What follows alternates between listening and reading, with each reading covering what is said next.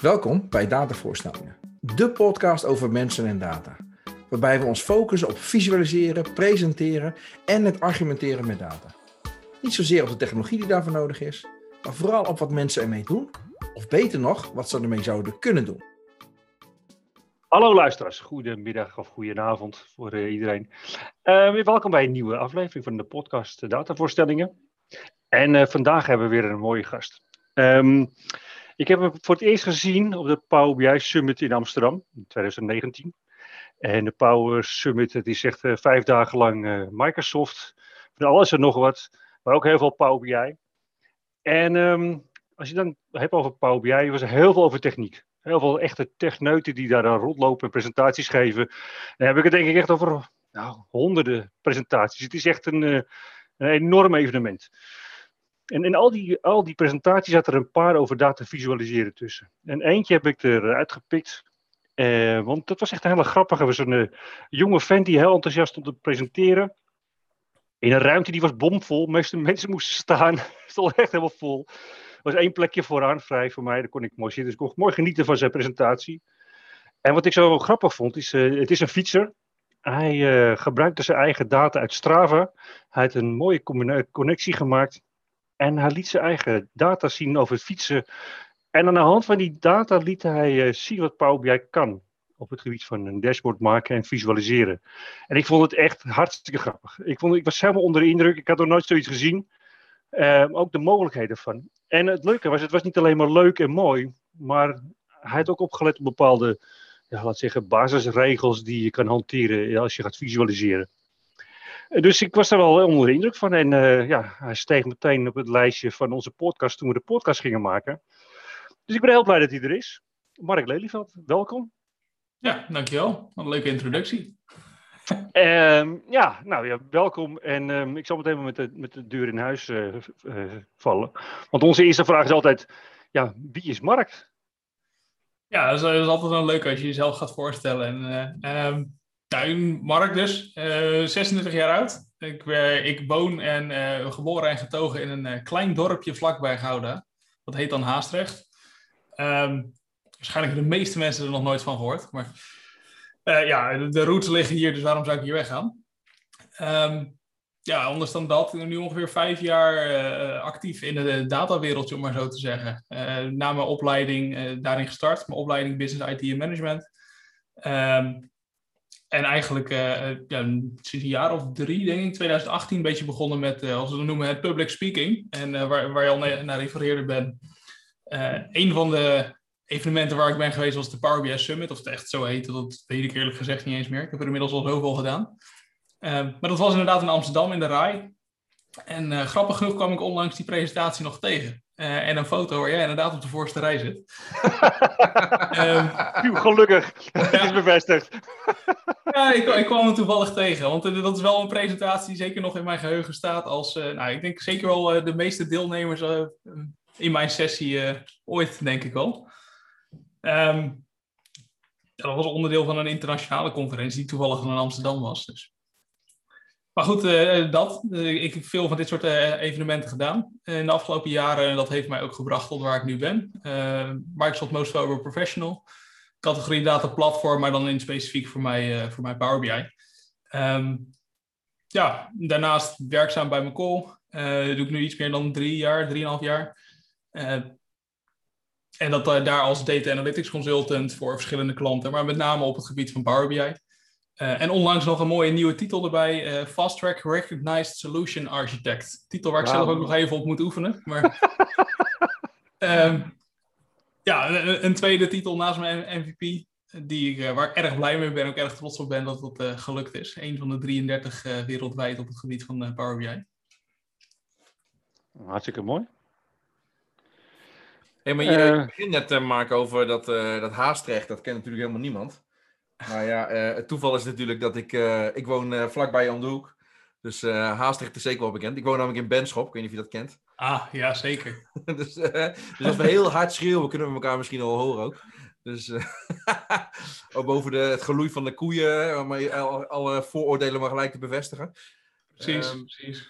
Maar laten we nog even een stukje teruggaan, uh, uh, Mark. Uh, want we zagen al dat je, je hebt de haven gevolgd in, in Gouda. En, uh, en dan vroegen we ons even af van, oké, Haastrecht, waarschijnlijk geen uh, voorgezet onderwijs uh, in Haastrecht. Klopt dat? Nee, dat klopt helemaal. Dus op de fiets naar Gouda elke dag. Ja. En, en, en, en, laten we zeggen, welke dag van je schoolweek, maakt niet uit welk jaar, was nou echt de dag dat je met veel plezier de grote glimlach op je fiets stapte en naar school ging? Weet je dat nog? Oeh, toch een tijd geleden. Uh, en dat is toch gek als ik dat ga zeggen als ik 26 ben. Maar... ik wou net zeggen, wacht maar dat ik het moet zeggen. uh, de dag dat ik met een grote glimlach naar school ging. Ik denk de dag dat ik mijn diploma op ging halen. Kijk, nou, helemaal goed. ik, ik weet niet meer of ik toen op de fiets ben gegaan, eerlijk gezegd. Maar was dat dan omdat je iets afsloot en, en, en echt, uh, ja, laten zeggen, de wijde wereld in kon? Of wat was dan de reden dat je zo'n glimlach had? Nou, ik ben wel altijd heel erg praktisch ingesteld. Dus in die zin, ik wist in de derde van mijn HAVO al welke vervolgopleiding ik wilde gaan doen. En het was echt letterlijk van, nou oké, even een paar vinkjes zetten, dan ben ik er vanaf, dan kan ik door. Um, dus in die zin was dat misschien wel enigszins de reden, ja. Neem niet weg dat ik natuurlijk wel een leuke tijd heb gehad op een middelbare school. En het is echt wel iets, een, nou ja, een onderdeel van je leven, om maar zo te zeggen. Maar uh, ja, of nou echt een, een hele specifieke dag hebt die me heel erg bij is gebleven. Nou, nou, we houden ja, nou, op, die, op die examen, of de, het ophalen van ja. je examen. Ja. Dan is natuurlijk de vraag, je, je, wist natuurlijk al wat je ging doen in de derde klas, maar ben je dat ook gaan doen?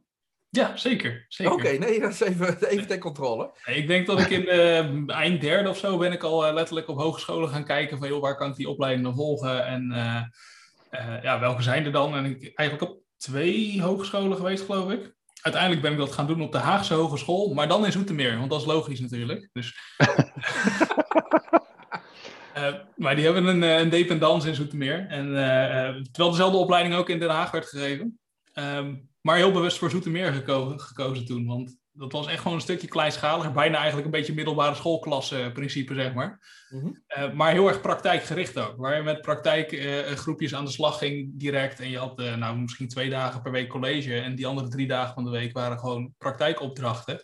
Voor daadwerkelijk bedrijven die bij de opleiding betrokken waren. Dus Lekker uh, hands-on aan de slag.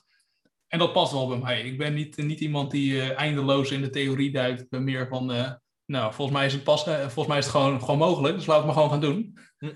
En dan kijken we onderweg wel waar we op uitkomen. Ja, ja, is leuk. Hey, en dan heb, je, dan heb je die vervolgopleiding gedaan. Mm -hmm. En dan heb je dat gehaald. En, en dan? Ja, ik heb toen mijn stage, mijn allereerste stage ging ik doen in, in Gouda bij Centric.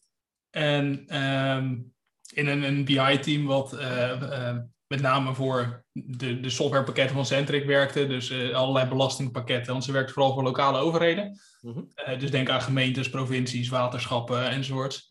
Um, daar heb ik een opdracht gedaan voor de gemeente Gouda. Waar we hadden gekeken naar wifi en bluetooth tracking. Om bezoekers te volgen in de binnenstad van Gouda. En daarmee ook een, eh, een soort voorspellende uh, factor te kunnen creëren met hoe bewegen mensen zich door die binnenstad. Hm. Nou, toen was dat allemaal nog redelijk nieuw. Uh, inmiddels weten we allemaal heel goed dat het uh, misschien best wel veel persoonsgegevens verzamelt. Um, oh, dus dat was al een van de onderdelen in mijn onderzoek toen. Joh, mag dit eigenlijk allemaal wel wat te doen? Um, Grappig genoeg, dat ging toen gepaard met het aanbieden van een gratis wifi-netwerk in de binnenstad, waarvan je vandaag de dag ook denkt, waarom doe je dat eigenlijk? Iedereen heeft toch gewoon mobiel internet, moet je ermee? Ja. Um, maar goed, dat, dat was een, een, een soort pilot wat de gemeente Gouda ging doen. En uh, Centric was daarbij betrokken als soort uh, partner binnen de regio Gouda, die ze daarbij hielp. En ik dan vanuit mijn stage. En um, ja, dat was in mijn derde klas van de vervolgopleiding uiteindelijk in de vierde moest ik een minor gaan volgen. Wat een typisch dingetje is in, zo'n, is in zo'n HBO. Dat je moet kiezen voor een blok van een andere opleiding. Waarmee je dan uh, je kennis gaat verbreden. Nou, dan had ik ook al zoiets van, joh, allemaal leuk. Maar ik wil eigenlijk gewoon lekker aan de slag. Dus ik had toen gekozen voor een vrije minor en een onderzoeksminor. Dat was een beetje een creatieve oplossing, maar het was toegestaan. Waarmee ik dus eigenlijk gewoon een extra stage ging doen. Uh, en toen weer teruggegaan naar, naar Centric, wel een andere afdeling. En daar is eigenlijk, uh, nou, we het grappig zeggen, de ellende met Power BI begonnen. Vertel. um, Power BI ontstond toen echt net. Het was echt letterlijk, uh, ik zeg altijd, toen eh, Power BI een zelfstandig product werd en werd gescheiden van SharePoint. Uh, het, werd, het, logo ging van groen naar geel en het, het werd een nieuw, heel losstaand product. los van dat het toen echt nog niet zo mature was als dat het vandaag de dag is. Ehm, ik ging een onderzoek doen naar hoe je vanuit Dynamics CRM, een ander Microsoft product, een 360 graden klantbeeld kan creëren door je data uit CRM te combineren met nou, andere databronnen die voorhanden zijn. Um, stukje onderzoek, stukje praktijk ook, uh, want dat was een stukje vrije minor met die onderzoeksminor. En dat heb ik ook gedaan voor een, interne opdracht eigenlijk binnen Centric. En ook een pilot gedaan toen voor een uh, aantal kleine klanten waar contact mee was. Maar al snel eigenlijk conclusie getrokken. Ik weet niet of Power BI hier nou zo goed in is. Want ja, die hoeveelheden data vanuit CRM naar binnen halen. Uh, was dat nou allemaal wel zo ideaal? Werkt het allemaal zo goed? Eerlijk gezegd, als ik er nu op terugkijk, denk ik ja, ik deed ook alles fout wat je maar fout kan doen aan als je kijkt naar een datamodel maken, naar de manier hoe ik de data uit CRM haalde. Maar ja, eh, ik stond, uh, ik begon net, Power BI bestond pas net en er was niemand die mij ging vertellen hoe het wel werkte, want ja, het was nieuw. Um, ja, na, die minor en vrij, die vrije minor afgerond te hebben, was uiteindelijk daar het moment dat ik mocht gaan afstuderen. Maar ja, ik was toch al binnen, dus laten we dan ook maar gelijk dat per centric doen. En eigenlijk heb ik daar mijn eigen opdracht kunnen vormen, waar ik in samenwerking met een aantal mensen binnen Centric heb kunnen kijken naar uh, een samenwerking met een dochteronderneming van Centric, wat dan was Structon, Structon Rolling Stock. Die ze eigenlijk de machinebouw deed voor treinen die over de hele wereld rijden. En daar hebben we gekeken naar uh, hoe kunnen we treinen op afstand meten, als in inkomende stroom, hoeveel stroom wordt er verbruikt binnen die trein, hoeveel gaat er uit en allerlei sensoren die erin zitten. Met uiteindelijk als doel, en dat was ook een specifiek traject in India, als ik me goed herinner, um, waar een eenbaan spoorweg was. En het regelmatig gebeurde dat zo'n trein halverwege die spoorweg stil kwam te staan. Maar ze geen idee hadden wat er aan de hand was. Hm. En wat zou er nou mooier zijn als we op afstand die trein uit kunnen lezen? Of in ieder geval nog mooier, uh, voorspellend kunnen zijn. Met waarschijnlijk gaat er iets kapot in die trein binnenkort. Dus hoe gaan we voorkomen? En zetten we even een andere locomotief in in plaats van deze, want deze moet terug naar onderhoud. Um, nou, zover heb ik het nooit mee mogen maken tijdens mijn stage. Een stage is immers uh, een half jaar, waar een groot onderdeel daarvan is je, uh, is je afstudeerscriptie schrijven. Uh, maar wel degelijk in staat geweest om op een soort proefopstelling bij Structon, wat in Alblasserdam zit of zat, ik weet niet of ze er nog steeds zit eigenlijk. Um, een soort proefopstelling waar we al dit soort dingen konden simuleren, de data eruit konden lezen. En dat ging toen, toen wat toen heette de Cortana Intelligence Suite in, in Azure. Om al die data daar te kunnen processen, op, opslaan en uiteindelijk natuurlijk Power BI erop. Ik moet zeggen, dat ging al een stuk beter dan, dan met die vrije minor met CRM. ah, je wat geleerd, dus dat is goed. Dus dat, dat was mijn afstudeerscriptie. Maar ja, als je dan eenmaal binnen bent, dan, dan blijf je plakken. Dus daar heb ik ook de eerste anderhalf jaar van mijn loopbaan daar kunnen voortzetten. Oké. En dat was allemaal binnen hetzelfde team. Het was eigenlijk een soort gemixt team van um, ja, wat deze Office 365 implementatie, SharePoint, omgevingen voor klanten opzetten. en Power BI was daar een soort nieuwe, nieuw element in, waar het eigenlijk een beetje onderzoekend was naar wat, wat kunnen we ermee, hoe zetten we het in.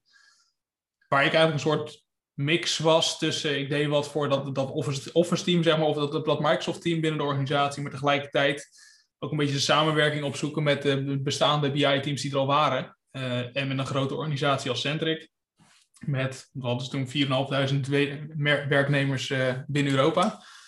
Um, was dat best wel uh, zoeken naar ja, waar, wie zit waar. En iedereen die een beetje zijn eigen eilandje verdedigt. Mensen die met ClickView aan de slag waren. En dan zeiden ja, Power BI, dat zal allemaal wel. Daar willen we niks van weten. Um, Nou, dat was niet alleen ClickView, maar ook uh, nou, Tableau was er natuurlijk al, good old reporting services. Um, maar ze had andere tools waar ze eigenlijk een beetje een soort interne concurrentie ging werken. Want ja, Power BI, wat is dat? Wat moeten we ermee? En, nou, wat op zich wel leuk was, ook wel uitdagend was, maar voor mij ook wel de, de uitdaging gaf. Ja, wie zijn dan binnen mijn organisatie of binnen die organisatie mijn counterparts waar ik me aan op kan trekken ook? En um, ja, die, die mij ook iets gaan leren. Laat ik het zo zeggen. Dus dat was wel uh, een van de beweegredenen uiteindelijk om ook, daar ook weg te gaan en mijn, mijn volgende stap te zetten.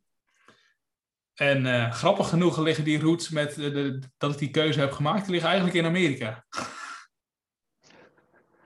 Ja, ik zou zeggen, ga door. Ja, ik, ik, ik, dacht al dat dat vereist uitleg. ja, ehm, zeker. Nee, er, er zit een, uh, uh, iemand die we denk ik allemaal wel kennen als de Dutch Data Dude, of zijn echte naam Jeroen de Heert. Uh, is een Microsoft-medewerker, die werkte toen nog bij Microsoft Nederland. En ik was toen op de Data Insight Summit in, in Amerika, in Seattle. Dat was in 2017, juni 2017. En eigenlijk zaten we daar met wat andere Microsoft-partners uit Nederland. Jeroen was daar dan en ik was daar vanuit Centric met een, een toenmalig collega ook. En eigenlijk zaten we met elkaar, ja, ja, ja waar, waar leren we nou het meeste van? En ik had Jeroen al een paar keer opgezocht, eigenlijk met hem contact opgenomen om te kijken of hij me wat sturing kon geven als ik ergens niet uitkwam met Power BI.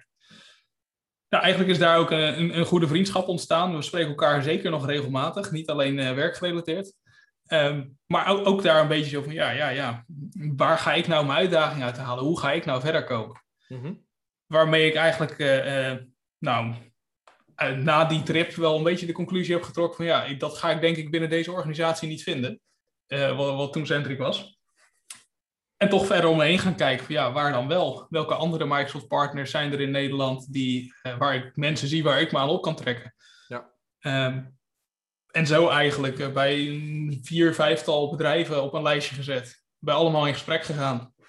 En uiteindelijk mijn keuze gemaakt voor mijn call. Oké. En daar zit je nog steeds, toch? Ja, zeker. zeker. Na drieënhalf jaar nog steeds. En uh, dat zit ook nog helemaal prima. Dus uh, voor alle recruiters die hier naar luisteren, nee. Ja, dit is geen... Uh... Jammer. hey, maar ehm, we zagen in je, in je cv ook nog een, een, aantal jaren een eigen onderneming. Hoe, hoe zat dat, dat dan in het verhaal? Ha, ja. Dat was een, hoe zullen we dat netjes noemen? Het legaliseren van inkomsten van een uit de hand gelopen stageopdracht. Oké, ik vind het een hele mooie omschrijving. Nee, dat was uh, die, die allereerste stageopdracht voor die gemeente Gouda, waar eigenlijk uh, met dat wifi en bluetooth tracking, dat project was nog niet af, terwijl mijn stageperiode wel afgelopen was. Uh, ze wilden er toch graag mee verder en ze hadden eigenlijk gezegd van, ja, je zit er inmiddels zover in die materie. Er was wel een vervolgstagiair na mij, die ook weer hiermee verder ging. Dus ik had alles aan die stagiair overgedragen, maar er lag dermate veel werk, dat er eigenlijk werd gevraagd, joh, kan je niet af en toe bijspringen, wat dingen erbij doen. Uh, dus ik heb daar op freelance basis uh, naast mijn opleiding nog wat, uh, wat klusjes voor gedaan. Ah, ja. En dat was letterlijk ook de enige klant die ik had hoor. Want ik heb geloof nou, volgens mij heb ik ooit nog één ander klusje gedaan. Maar ik was niet heel actief met op zoek gaan naar klanten of weet ik veel wat. Het was letterlijk inschrijven zodat ik facturen mag sturen en nou, die inkomsten kan verwerken. maar goed, hey, ehm, even, even dan uh, terug, hè, want uh, Ben en ik vinden het altijd leuk om te praten over nou ja, uh, wat, wat doen mensen met data. En daar hoort datavisualisatie zeker ook bij. En wij zagen dat jij nou, onder andere lid bent van de groep Data Professionals Against Pie Charts. en wij denken, nou, Mark kan ons vast wel iets vertellen over dat initiatief en waarom hij lid is van de Data Professionals Against Pie Charts groep. Ja, ja zeer zeker. Ook, ook die heeft weer te maken met Jeroen trouwens. Um, oh. Jeroen heeft ooit die groep opgezet. En uh, we hebben zelf een beetje, allebei een beetje diezelfde filosofie van uh, een pie chart. Die, ja, als ik er naar kijk, is er maar één manier om die heel goed te gebruiken. En dat is bewijzen van een true-false verhouding. Uh, ja, nee, of in ieder geval twee categorieën. en als je af en toe ziet hoe ze toegepast worden, dat doet gewoon pijn aan je ogen. En nou, ik weet niet of jullie lid zijn van die LinkedIn-groep. Uh, maar als je het bent, dan heb je er vast ook een keer in gekeken met allerlei vreselijke voorbeelden die gewoon uit de nieuwsuitzendingen van RTO Nieuws of het NOS of weet ik veel waar vandaan komen. Um, maar ook gewoon in marketinguitingen van bedrijven. En, maar als je dan kijkt waarom dat zo slecht is in onze ogen, sowieso is een menselijk brein niet in staat om de hoeken van een pie chart, van verschillende slices van een pie chart goed te kunnen onderscheiden. Uh, om dus de analyse te kunnen maken in je hoofd. Welke slice is nu eigenlijk groter? Dus daar gaat het al fout als je te veel categorieën hebt. Mhm. En, en, een tweede kan zijn, en dat is helemaal vreselijk, als je hem ook nog eens driedimensionaal gaat maken. Hey, dan, dan wordt hij juist mooi, man. Hey, dan wordt hij mooi. Ja. en toevallig kreeg ik onlangs weer... Mark, je, je begon vandaag al met allerlei titels, hè? maar je kan er nog eentje bij schrijven. En daar mag je ook trots op zijn. Ehm, er is een tijd geleden dat, uh, dat Alberto Cairo, ik weet niet of de naam je wat zegt. Ja, zeker. Dat hij uh, een, het voorwoord heeft geschreven van een heel mooi boek. En daarin heeft hij beschreven over, heeft hij geschreven over de orthodoxen. Mhm. En eh, zoals jij net eh, eh, praat over de pijchart, kun je je gemakshalve wel onder de orthodoxe scharen. Eh, dus eh, inderdaad, hè, eh, de regels zijn heel duidelijk en, niet, eh, en daar moeten we ons wel een beetje aan houden. Nou, grappig genoeg, eh, Ben, jij zegt het net, de 3D is mooi. Ik kreeg toevallig van de week nog een verzoek voor om iets, een rapport wat opgeleverd was, om dat in een driedimensionale visualisatie te zetten. Want dat vonden ze toch wel mooi. Nee! Ja. En toen dacht maar ik aan de andere kant, eh, Mark, ehm, ehm, ik zit zelf in de, in de, in de custom visuals eh, eh, van eh, Power BI. mhm. Ik vind het wel frappant om te zien dat eh, Microsoft best wel veel moeite heeft gestoken om een aantal best practices gewoon standaard erin te stoppen. En één daarvan is geen 3D. Mhm. En wat gaan vervolgens derde partijen doen? Die gaan 3D-varianten toevoegen aan Power BI. Ik vind het echt fascinerend. Ja, ja, zeker. Ach, ik denk dat je dat ook niet tegenhoudt. En het is misschien ook een beetje de. Nou, laat ik het zo zeggen. Als je, als je kijkt, ook om even terug te grijpen naar het onderwerp pie charts. eh, het wordt wel degelijk gebruikt, maar ik noem het dan altijd een beetje de, de marketing smuk, zeg maar. Het ziet er fancy uit, maar wat vertelt het nou eigenlijk? Ja, En eh, Ja. dat, dat is een typisch voorbeeldje van een pie chart, denk ik ook. En som, helemaal als je er eh, een, een veelvoud aan categorieën in zo'n pie chart zet, is helemaal vreselijk. Toevallig zag ik er vandaag nog eentje, en dat is ook de, de, een van de veelgemaakte fouten, waar een tijdsdimensie als categorie wordt gebruikt. En waar het letterlijk jaartallen waren die dan eh, in een pie chart werden verdeeld in, eh, en niet eens in percentages. En dan nog maakt het totally no sense als je, als je het mij vraagt. Maar ehm, ik heb eh, die persoon ook vriendelijk gesteld. Een tijdsdimensie zet je altijd op een x-as, van links naar rechts. En Nooit op een pie chart. Ja, de, de, de, de, en, en misschien is dat ook wel. Hè? Kijk, dat, het- dat het nog best wel lastig is soms om al die dingen te onderscheiden. Hè? Een van de dingen die ik wel vaak zie is dat als mensen eh, op een afstandje een percentage zien, dan gaan ze er meteen denken: oké, dat is een deel van de geheelrelatie, daar kunnen we wel een pie chart op plakken. Ik zag laatst een pie chart eh, die was geplakt op, eh, om, het, eh, om het resultaat ten opzichte van een doelstelling te vergelijken. Maar wat gebeurt er dan als je over de 100% heen gaat? Ja, dat. Maar een, een, een pie chart waar je het op die manier gaat vergelijken, dan heb je dus een, een, een pie chart waar je twee keer 50% hebt. Of eh 40-60. Of is het dan, je mist nog 60% ten opzichte van je target. En wordt dat target, is dat dan het verschil tussen je target en je actual? Of wordt die steeds kleiner of zo? Of hoe moet Ja, nee, hoe, hoger, hoe dichter je bij kwam, hoe kleiner het, eh, laten we zeggen, het tweede puntje werd. Ja, Alleen als je dan je target hebt gehaald, sta je op 100%. Maar als je er 20% Ja. gaat, zie je geen verschil meer. precies dat. Die typische situaties waarbij, ja, als je over de 100 heen kan gaan, ja, dan, dan werkt het al niet meer. Hè? Ja, ja, ja. Heel veel van die leuke voorbeelden met 300% of zo. En van hoeveel keer is hij daar rondgegaan? Dat kan je daar niet meer zien. dat vind ik ook zo heel fascinerend. Man. Maar dat is hetzelfde met die, eh, ik weet even niet hoe die heet uit mijn hoofd, maar je heeft in, in Power BI zag je in het begin ook heel veel in de marketinguitingen. Eh heb je zo'n, nou ja, een- doorgezaagde pie chart, zeg maar, die alleen maar zo'n, eh, hoe heet dat ding nou? Een halve bedoel je? Ja, het is, eh, het is geen donut chart, maar een soort doorgezaagde Gauge. donut chart. Zo, zo- ja, het is gewoon een gauge, geloof ik. Of, eh, Ja. ja. Dat vind ik ook zo'n vreselijk ding. Dan denk ik, ja, dat is leuk. Je toont een getalletje in het midden, maar dan heb je dezelfde uitdaging mee. Wat als ik over de 100% heen ga? Ja, en, en misschien wel een aardige, daar moeten we het misschien nog eens een keertje eh, met eh, onze Dutch Data Dude over hebben. Als je een gauge gebruikt in Power BI, ja, en je stelt verder niks in, dan probeert hij altijd te zorgen dat het blauwe en het witte gebiedje, hè, de, de, de twee Ja. kleuren, dat die in het midden uitkomen. Dus Ja. als jij vijf gauges op je scherm zet en je doet verder niks, dan zitten ze allemaal in het midden. Ja, dus heb je er helemaal niks aan. allemaal te balanceren. Ja. Dus daar heb je helemaal niks aan. daar kun je helemaal niks mee. Nou, ik denk dat onze Dutch Data Dude daar niet zoveel in gaat betekenen, want die zit in een ander deel van het programteam. Hij zit op het data modeling stuk van Power BI, niet op het visualisatiestuk. Dus, Nee, maar hij heeft er wel af en toe al. Ik, ik heb wel eens wat, eh, wat gesprekjes met hem erover gehad. Hij, eh, hij is sowieso eh, degene die de, de, de nieuwe feature blog maakt. dat klopt. Dat klopt. Hey, Mark, en dan hoor ik je praten over, over die, die pie charts. En, en ik ben wel benieuwd van eh, je interesse en, en kennis over effectief visualiseren. Hoe, eh, hoe, heb je, hoe heb je die kennis verzameld? Eh, ja, dat is een goeie. Ik denk dat overigens die storytelling presentatie was ook de eerste die ik ooit heb gedaan. Dat was in 2017 ook, denk ik. 18. Eh, was de Power BI gebruikersdag. En toen had ik een, een, de was de allereerste keer dat ik storytelling en interactive visualization with Power BI of zoiets. Of waarschijnlijk toen was die nog in het Nederlands, denk ik. Ehm, en toen ben ik eigenlijk gewoon echt op zoek gegaan naar content over ja, wat is nou relevant om hierover te, uh, te delen. Uh, een van mijn bronnen was toen in ieder geval een, een presentatie van program managers in het Power BI team. Volgens mij was het een deel daarvan van Amanda Kowski. Die we tegenwoordig Amanda Rivera moeten noemen, geloof ik. Maar um, is in ieder geval ook een program manager. En ik had nog wat andere bronnen, maar onder andere ook Alberto Cairo. Ehm, daar heb ik echt wel veel informatie uitgehaald. En uiteindelijk een beetje mijn eigen sausje overheen gegoten. Van ja, wat is dan mijn verhaal hier rondomheen?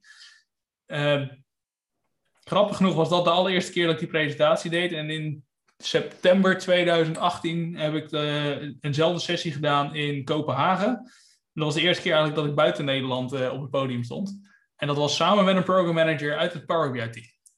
En die werd aan mij gekoppeld, zo van, uh, joh, vinden jullie het niet leuk om die sessie samen te doen? Want jullie hebben allebei hetzelfde onderwerp ingediend. Um, de desbetreffende program manager had nog nooit een presentatie gegeven buiten zijn eigen team. Dus die vond dat misschien nog wel veel spannender dan ik. en, maar die kwam wel met een hele hoop content vanuit het Microsoft-wereldje, wat hij allemaal meenam met, joh, misschien kunnen we hier ons verhaal van samenstellen. Hm. Dus dat heeft uiteindelijk wel uh, ook mijn presentatie weer helemaal op zijn kop gezet. We hebben een deel van mijn bestaande presentatie gebruikt met alle content die daar vandaan komen. Waaronder ook weer een presentatie van Alberto Cairo. Um, en dat is eigenlijk, nou ik denk voor 80% nog steeds de content die ik in die presentatie gebruik. -hmm. En dan uiteindelijk, zoals je in de introductie aangaf, uh, aangevuld met mijn eigen datasets. In plaats van de, de standaard datasets met, wat is het, Adventure Works of iets dergelijks. Maar ja, precies. Dat vond ik juist ook het leuke, dat je je eigen data met straven en met je, al die foto's die erin zitten, je, je routes en, uh, en je kilometers. Ik vond het echt, ik vond het zo grappig gedaan. Ik had dat nog nooit gezien. Dat, dat, dat, vandaar dat ik heel enthousiast was over jou, jouw presentatie. Maar goed, dat hebben we daarna natuurlijk samen ook uh, nog even over gehad uh, toen, je, toen je klaar was. Ja. Nee, ik, denk, ik vind dat zelf juist iets wat het leuk maakt, want je maakt je, je presentatie daar wat persoonlijker mee. Je vertelt ook iets over jezelf in plaats van alleen maar een, een, een theoretisch verhaal of op welke knopjes je moet drukken, zeg maar. Um, waarmee nou, het blijkt vandaag, uh, in ieder geval de deelnemers jou als persoon ook wat beter leren kennen. Um, en tegelijkertijd maakt het voor mij in ieder geval persoonlijk heel veel makkelijker om een verhaal te vertellen. Want uiteindelijk zat er bij mij een, een verhaallijn in van mijn vakantie die ik in 2017 in, in Zwitserland heb gedaan. Um, wat het voor mij heel makkelijk maakt, want dat is een actieve herinnering, om dat verhaal te vertellen. En ik weet dus precies, want ik weet nog precies dat, hoe, dat, hoe dat ging. Ik zoom op een gegeven moment in op dat kaartje op een gebied in Zwitserland waar heel veel punten op de kaart staan met heel veel activiteiten die in die omge omgeving hebben plaatsgevonden. Ja, in mijn hoofd heb ik al lang mijn verhaal klaar zitten met oké, okay, de eerstvolgende waar ik naartoe ga is daar, want daar zijn we begonnen met de trip. Uh, waarmee ik mijn verhaal makkelijk kon vertellen. Uh, dus het storytelling element aan de hand van de data waar we naar kijken. Uh, en ik denk dat dat ook een van de elementen is als je kijkt naar storytelling als begrip als, als manier van werken en je data daarbij ondersteunend gebruiken. Uh, maar het verhaal zou je uiteindelijk toch echt ook wel zelf moeten doen. Ja, en kijk, en nu met storytelling is dat natuurlijk makkelijk, want jij bent erbij en jij vertelt het verhaal. Dit is een beetje het Hans Rosling principe, want je kan natuurlijk wel uh, met wat hij had, die bolletjes over het scherm laten vliegen, maar als je Hans Rosling hebt, dan zegt het helemaal niks. En dat was natuurlijk bij jou ook. Jij vertelde het verhaal en je vertelde die puntjes en die foto's. Oh ja, dit was een foto. En dan was ik, nou ja, weet je, dat je dat aan het vertellen was. En dat komt natuurlijk die, die combi van wat je liet zien en wat je vertelde. Dat maakt natuurlijk het verhaal helemaal compleet. Ja, ja. ja, en daarin heb ik dan vooral aan de hand van dat verhaal uh, die demo was helemaal in Power BI gemaakt, uiteraard. En daar zag je dus allerlei functionaliteiten in terugkomen die ik net daarvoor had uitgelegd. Over wat is die functionaliteit en wat is, hoe werkt dat dan? En uiteindelijk heb ik het dan helemaal allemaal in één demo samengevat, waar ik dan laat zien van oké, dit zou een oplossing kunnen zijn waar je al die elementen in terug ziet komen. Ja. Ja. ja. Hey, en, ja, dus... en, je had het inderdaad hè, over, over dat je best wel veel uh, presentaties geeft. En toen zagen wij uh, dat er bij een aantal van je laatste presentaties kwam er een titeltje terug: uh, Driving a Data Culture. Oh ja. En toen dachten wij, nou, dat, ook daar willen wij natuurlijk meer van weten. nou, uh, zeg maar, je zit achter het stuur. waar gaan we heen, Mark? waar gaan we heen? Nou, in ieder geval naar de cloud. Laat dat zeker zijn. Oké. Okay. Ehm, Nee, uh, driving a data culture is ook een, een uh, onderwerp wat in, nou, ik, ik, denk al een beetje gedreven is door, door de klanten, verschillende klanten waar ik mee heb gewerkt. En dan ook gewoon kijk naar de adoptie van een tool als Power BI. Als je kijkt naar die adoptie met hoe mature is je gebruiker nu eigenlijk in het starten met zijn Power BI ervaringen en wat kan die nou eigenlijk wel of niet zelf. Ehm, nou, waar ik allerlei verschillende vormen en maten van Power BI oplossingen voorbij heb zien komen. Al variërend van, ik heb mijn Excelletje op mijn C-drive van mijn computer staan, en, maar mijn bestandjes of mijn rapport staat wel in de service en ik heb mijn persoonlijke gateway opgezet. Tot aan, ik heb iets in Power BI desktop gemaakt, ik druk op de refresh knop en dan mail ik daarna het bestand naar mijn collega's. Ehm, en gelukkig ook de wat meer mature gebruikers die wel gewoon netjes uh, een bron aanspreken in een data warehouse. En via een enterprise gateway als dat noodzakelijk is. En daar een fatsoenlijk datamodel op hebben gemaakt. Mhm. Nou, waar gaat die, die sessie data culture dan vooral over? Hoe zorg ik nu eigenlijk dat ik mijn gebruikers binnen mijn organisatie meekrijg in die transitie naar data gedreven worden? Um, nou, dat kan zijn door, uh, scherm nou niet alles af, maar uh, stel een platform ter beschikking waar ze er zelf mee aan de slag kunnen. Dus timmer nou niet alles dicht, maar zorg dat ze op een manier aan de slag kunnen waar jij wel aan het stuur zit als IT-baasje, als BI Competence Center. Als... Dus je ziet wel wat er gebeurt, maar heb daarin een faciliterende rol en geen controlerende rol. Dus zorg in ieder geval dat je ze faciliteert met templates, met uh, een, een gateway naar de bronnen toe die ze kunnen ontsluiten. Nou, allerlei dingen. Dus ook denk aan lineage tooling. Waar komt deze data nou eigenlijk vandaan? Da een data catalog met wat voor soorten bronnen zijn er nou eigenlijk allemaal beschikbaar binnen mijn organisatie. Mm Ik denk dat dat echt een, een van de key elementen is om succesvol zo'n data culture binnen je organisatie op te zetten en te drijven. Met name want als je dat niet doet, Ehm, ik geloof er heel erg in, als je iemand iets verbiedt, hij vindt toch wel een manier om eraan te komen. En dan heb je er geen controle op. Mhm. Vandaar kijk ik ook altijd heel erg naar, als je iemand gaat, uh, en ik vind het altijd wel een leuk voorbeeld, en ik weet zeker dat Ben hier een mening over heeft, dan ga ik deze ook gebruiken. um, je hoeft overal een mening over, Mark, dus dat is... Ik, ik, heb verschillende organisaties gezien en ik heb het zelf ook wel eens bij een klant, ook, hebben het ook wel eens gebruikt. Als je in Power BI Service kan je verbieden dat mensen workspaces aanmaken. En wat je daarmee gaat doen is eigenlijk uh, een situatie creëren waarin mensen het moeten aanvragen om een workspace te krijgen in Power BI. Terwijl ze misschien wel degelijk die Power BI Pro licentie hebben, maar dan moeten ze die workspace aanvragen. En ergens begrijp ik hem, want je wil controle hebben over die workspaces, wie zit daarin en aan de andere kant, als je dat gaat blokkeren, dan creëer je, mijn inziens, een situatie waar mensen het of in My Workspace gaan zetten. Want daar heb je geen grip op als IT of als BI Competence Center. Daar hoef je zelfs niet eens een licentie voor te hebben. Ehm, of ze gaan het Power BI bestandje mailen en daar heb je helemaal geen grip op als BI Competence Center. Want dat gaat zelfs helemaal buiten je platform om. Uh, of een creatieve vorm daarvan, waar het PBX-file op een SharePoint drive wordt gedeeld of wat dan ook. Zoals je de Sorry Mark, dat, dat ik even interrumpeer, maar voor de mensen die niet bekend zijn met Power BI, ja, mhm. ehm, is een workspace een soort folder waar je spullen in kwijt kunt.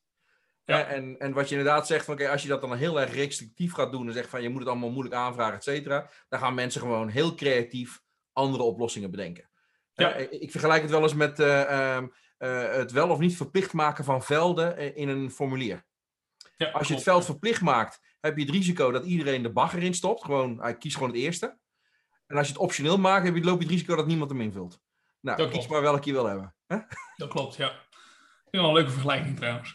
Maar ik, kies er zelf vaak voor, en zo adviseer ik de klanten ook, van als je dan kijkt naar, je wil faciliterend zijn en niet controlerend, um, staan ze dan wel toe om gewoon die workspace zelf aan te maken, maar bouw dan een mechanisme in waar als je een naming convention hebt voor die workspaces, wat best wel vaak gebeurt, uh, dat ze een soort proactief één keer per maand of zo een update krijgen of een, of een automatisch mailtje krijgen van hey, we zien dat jij admin bent van deze workspace. Weet dat je hier je workspace kan opzetten volgens onze naming convention. En de volgende keer doen ze dat wel. Of ze passen zelfs een huidige workspace aan. Uh, en ja, daar zit wel enig controlerend, monitorend aspect in. Ehm, maar ik denk dat het ook iets te maken heeft met verschillende delivery scenario's die je kunt toepassen. Is het een volledig self-service uh, initiatief?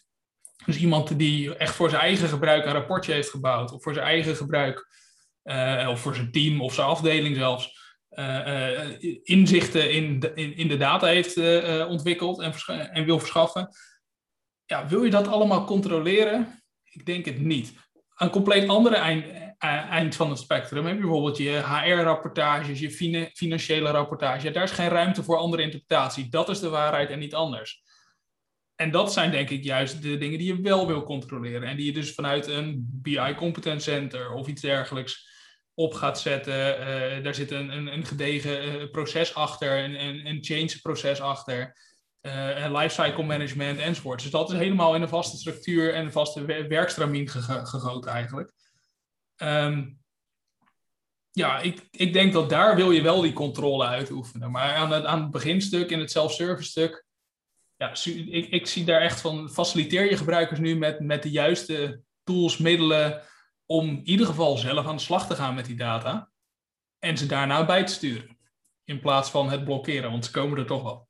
Ja, ja, nee, dat, dat, dat klopt ook. En dat zie je, uh, ik werk natuurlijk een stuk bij ABN AMRO en daar, uh, ja, daar, daar worstelen, worstelden we wel mee. Nee, het zal je collega wel eens gehoord hebben van de worstelingen die wij daar hebben. Maar we hebben hem wel dichtgegooid. De aanvraag moet wel gebeuren, maar je we proberen wel zo te faciliteren dat het zo makkelijk mogelijk gemaakt. Dus het, het, is, ja, het is net als uh, de perfecte visualisatie die niet bestaat. Hier heb je ook de perfecte situatie, zal er nooit bestaan. Het is altijd it depends. En weet je wel, zo'n geweldige kreet die heel veel van gebruik. Ja, het hangt er vanaf. Het ligt. Ja, ja ik, ik denk dat het heel makkelijk op te lossen zou zijn als Microsoft die feature uit gaat brengen. Wat je kan doen, namelijk, je, je, kan die functie dichtzetten als, als administrator van Power BI, dat je geen workspace aan kan maken. Maar die knop verdwijnt daarmee niet. Dus iemand kan nog steeds op die knop drukken en dan drukt hij op die knop en dan krijg je een melding met uh, Your IT admin blocked this functionality. Dat klinkt hartstikke leuk, maar als ze nou toestaan dat jij zelf een andere URL achter die knop kan zetten, dat zou het een stuk makkelijker maken.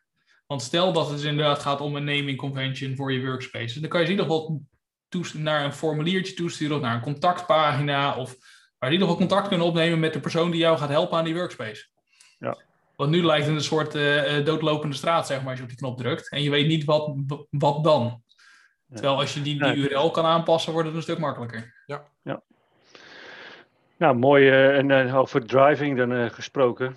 Um, ja, want het is over data driven. maar je, zelfs zit je door achter het stuur. En dan vooral natuurlijk achter het stuur van je fiets.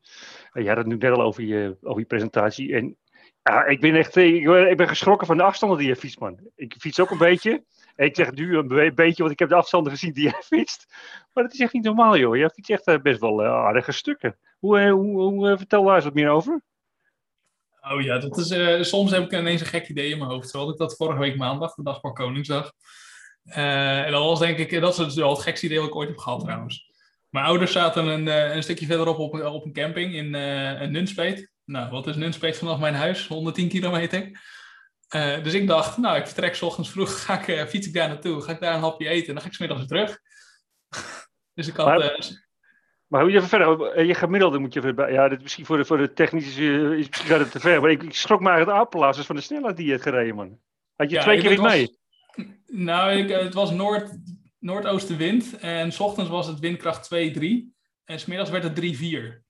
Dus ik mhm. dacht, nou ja, we Noordoosten vanaf mijn huis, Noordoosten. En dan heb ik hem tegen op de heenweg. Nou, ik kan daar even goed eten. En op de terugweg krijg ik hem mee. dus, uh, ah, kijk, goed Ja, dat, dat zat planning aan vooraf. Uh, ik, ik, had gemiddeld 31,1 of zo, 31,2 km per uur.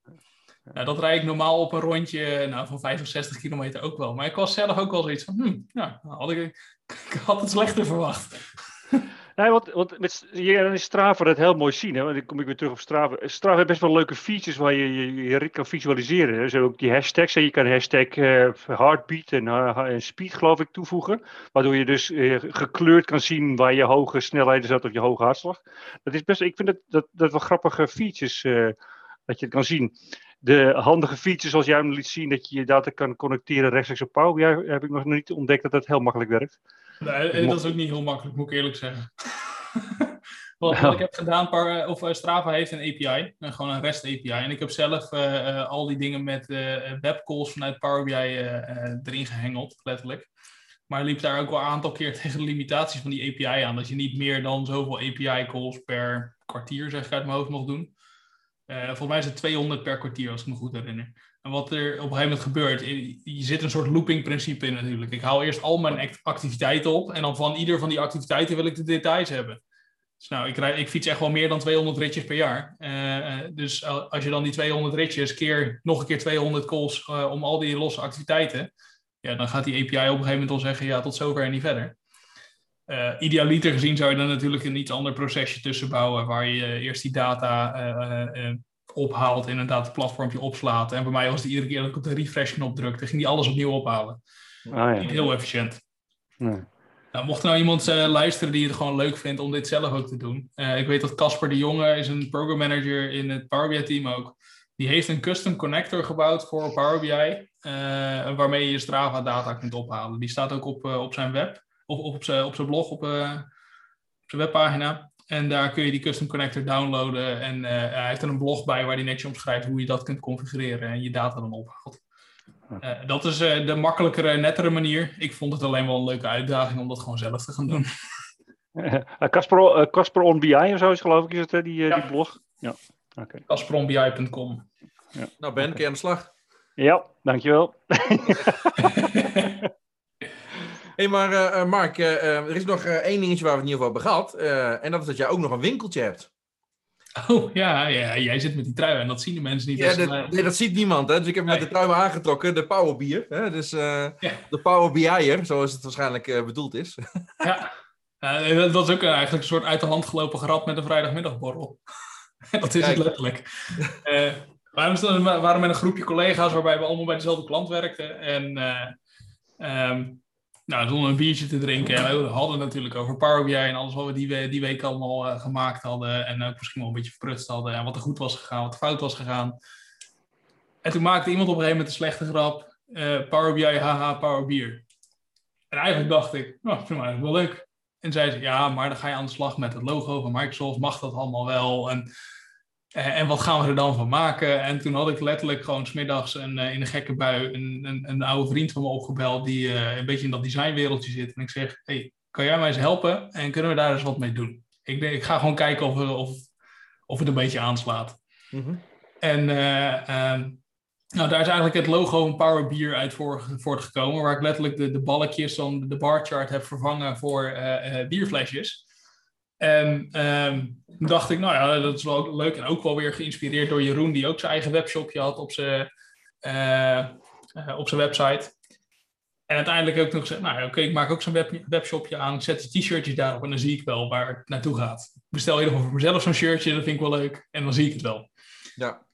Nou, ik heb geen exacte aantallen in mijn hoofd, maar ik durf wel te zeggen dat het een beetje uit de hand gelopen is. um, met uiteindelijk al heel wat had ik er opgezet. T-shirtjes, truien, uh, mokken kon je krijgen, stickers. En op een gegeven moment dacht ik, nou, ik vind dit wel leuk op deze manier. En uh, op een gegeven moment ook babyrompertjes, geloof ik. Weet ik ja, serieus. En je, je, je zal er versteld van staan hoe vaak die versteld zijn. Ja, ja, ja, ja, ja. En toen had ik op een gegeven moment een, een, nieuw shirt bedacht, een nieuw logo. En uh, daar had ik geen rompertjes van bijgezet. En toen kreeg ik letterlijk e-mailtjes van mensen met vragen met... Uh, komen die ook weer? Want ik wil eigenlijk die bestellen. Ah. Toen dacht ik ook, oké, die had ik even niet aangekomen. Maar nee, ik, ik, heb die dingen, die, die t-shirt en zo, die gebruikte ik wel eens met evenementen als uh, soort giveaway aan het einde van mijn presentatie. En dan heb ik er twee of drie mee of zo. En uh, uh, nou ja, uiteindelijk ook een keer bierveeltjes. Dat zien mensen natuurlijk niet, maar die hou ik nu dus voor de camera. Ah. Uh, dus ik heb er ook bierveeltjes van. En ik had op een gegeven moment hele stapels met stickers. En die, nou, die bierveeltjes en stickers die liep ik gewoon overal uit te delen waar ik kwam. En ja, die, die t-shirtjes die kon je dan kopen op mijn webshop. En ja, je kan, ik doe dat via een, een third party. Dus ik, ik ga ze echt niet zelf printen ik heb het design gemaakt en die third party handelt alles voor mij af. Dus zo gaat oh, iemand iets bestelt, dan uh, gaan zij printen, sturen zij het op, hoef ik helemaal niks aan te doen. En uh, ik, ik, kan daarin wel zelf enigszins de prijzen bepalen, maar ik vond het gewoon wel leuk als geintje. Dus ik had de prijzen gewoon eigenlijk bijna zo laag als dat ze kunnen gezet. En uh, ja, dan, daarmee druk je je eigen marge, zeg maar. Nou, dat vond ik ook wel prima, want ik hoefde er niks aan te verdienen. Maar komt er nu ook een, uh, omdat het eh, logo van Power BI veranderd is, komt er ook een nieuwe Power BI, uh, Power BI logo dan ook? Ja, dat is wel de bedoeling. En ik heb een aantal designs. eerlijk gezegd niet heel veel tijd ingestopt, maar ik ben nog niet helemaal tevreden met hoe het eruit ziet. Want met het oude logo, of het oude icoon, er ook een hele discussies over of het nou een logo of een icon is. daar relateer je als je het Tijdens een flesje bier. Ja, precies. maar de, de, oude variant die relateer je gelijk aan Power BI, omdat het niet zo heel ver ervan af staat. Nee. Terwijl die nieuwe, uh, nieuwe logo, wat eigenlijk gewoon een soort uh, op elkaar gelegde barchart is van vier balkjes. Dan denk ik, ja, het ziet er wel leuk uit. Maar als ik dat zie en ik zie die vier flesjes, dan relateer ik dat niet direct aan Power BI. Ja. Iemand die echt uh, helemaal into Power BI is, misschien wel. iemand die zo knettergek is als ik ben, waarschijnlijk wel. Um, maar meeste anderen niet, denk ik. En dat vind ik dan weer jammer, want dat haalt een beetje de, het imago en het idee erachter weg. Ja, dus uh, vandaar dat ik eigenlijk een beetje die, die oude gewoon heb laten staan. Hey, maar nog even terug hè, naar uh, wat die collega's allemaal riepen. Uh, heeft, heb je al eens een reactie gehad van Microsoft over? Zeker. Ik heb mailtjes gehad van program managers met hoe komen we aan die, aan die zooi. ja, maar dat zegt niks, hè? Dat kan natuurlijk gewoon professioneel zijn. Ritueel verbranden. Ik kan je vertellen, er zijn aardig wat doosjes met uh, bierveeltjes en stickers en t-shirtjes naar Amerika verzonden. Officieel natuurlijk niet, maar ik snap wat je bedoelt. ja. Nee, dat is uh, letterlijk, uh, dan moet je maar even je ogen dichtknijpen en denken, oké, okay, kijk even niet wat het kost om het op te sturen naar Amerika, maar... ja, nee, goed. Investering in de relatie, zullen we maar zeggen. Top, man. Ja, ja, precies hey, nou ja, ik zit naar de, tijd, naar de tijd te kijken en we komen eigenlijk bij onze legendarische uh, laatste vraag. En dat is eigenlijk, ja, wil je nog ergens op terugkomen of uh, iets bespreken wat nog niet besproken is? Oef, wil ik ergens op terugkomen? Wat heb ik allemaal verteld wat ik niet had moeten vertellen? ja, dat valt er wel mee, denk ik. Maar is er nog iets wat je niet besproken is, dat je denkt van, oh ja, dat had ik nog even willen... Nou ja. Um, ja, dat is een goeie. Het is altijd lastig, had ik er van tevoren over na moeten denken, eigenlijk wat ik allemaal wilde bespreken. Ja, maar het is natuurlijk niet de, de charme van, de, van deze podcast. Het is wel een beetje, een beetje een losse podcast natuurlijk. Precies. Nee, ik denk... Uh... Ja, wat zal ik zeggen? Ik denk dat ik het meeste al besproken heb. Ik, ik vind het juist wel leuk dat het uh, wel, wel, lekker ongedwongen is. En uh, een mix tussen nou, een stukje persoonlijke interesse met fietsen. En, maar ook het werkgerelateerde. En ook een stukje teruggrijpen naar die historie. Waar, waar is het allemaal begonnen? Ik denk dat het juist wel leuk is. Ik heb niet echt iets waarvan ik denk, uh, dat hebben we gemist. Of... Ja, mooi. Dan, uh, dan, uh, dan rest ons niks, Mark, om jou te bedanken voor je tijd en voor je mooie verhaal. Ja, en, graag gedaan. Nou en hopelijk tot snel als we weer naar buiten mogen. En, en, en, tot de volgende keer. En dan zien we elkaar weer als, je, als we weer een mooi verhaal van jou mogen horen op een, op een podium. waarbij jij je persoonlijke data linkt aan de functionaliteit van Power BI. Er komt weer een hoop nieuwe dingen aan, dus dat komt vast wel goed. En ja, wat ik zei, bedankt en tot de volgende keer. Ja, dank voor de uitnodiging. Ja. Oké, bedankt.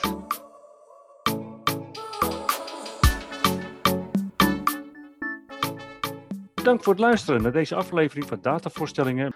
Als je het interessant vond, abonneer je dan op onze podcast. Dan blijf je altijd op de hoogte als er weer een nieuwe aflevering online staat. Heb je vragen of suggesties? Stuur ons dan een mail. Onze mailadressen staan bij de toelichting van deze aflevering. Nogmaals bedankt voor het luisteren en tot de volgende keer.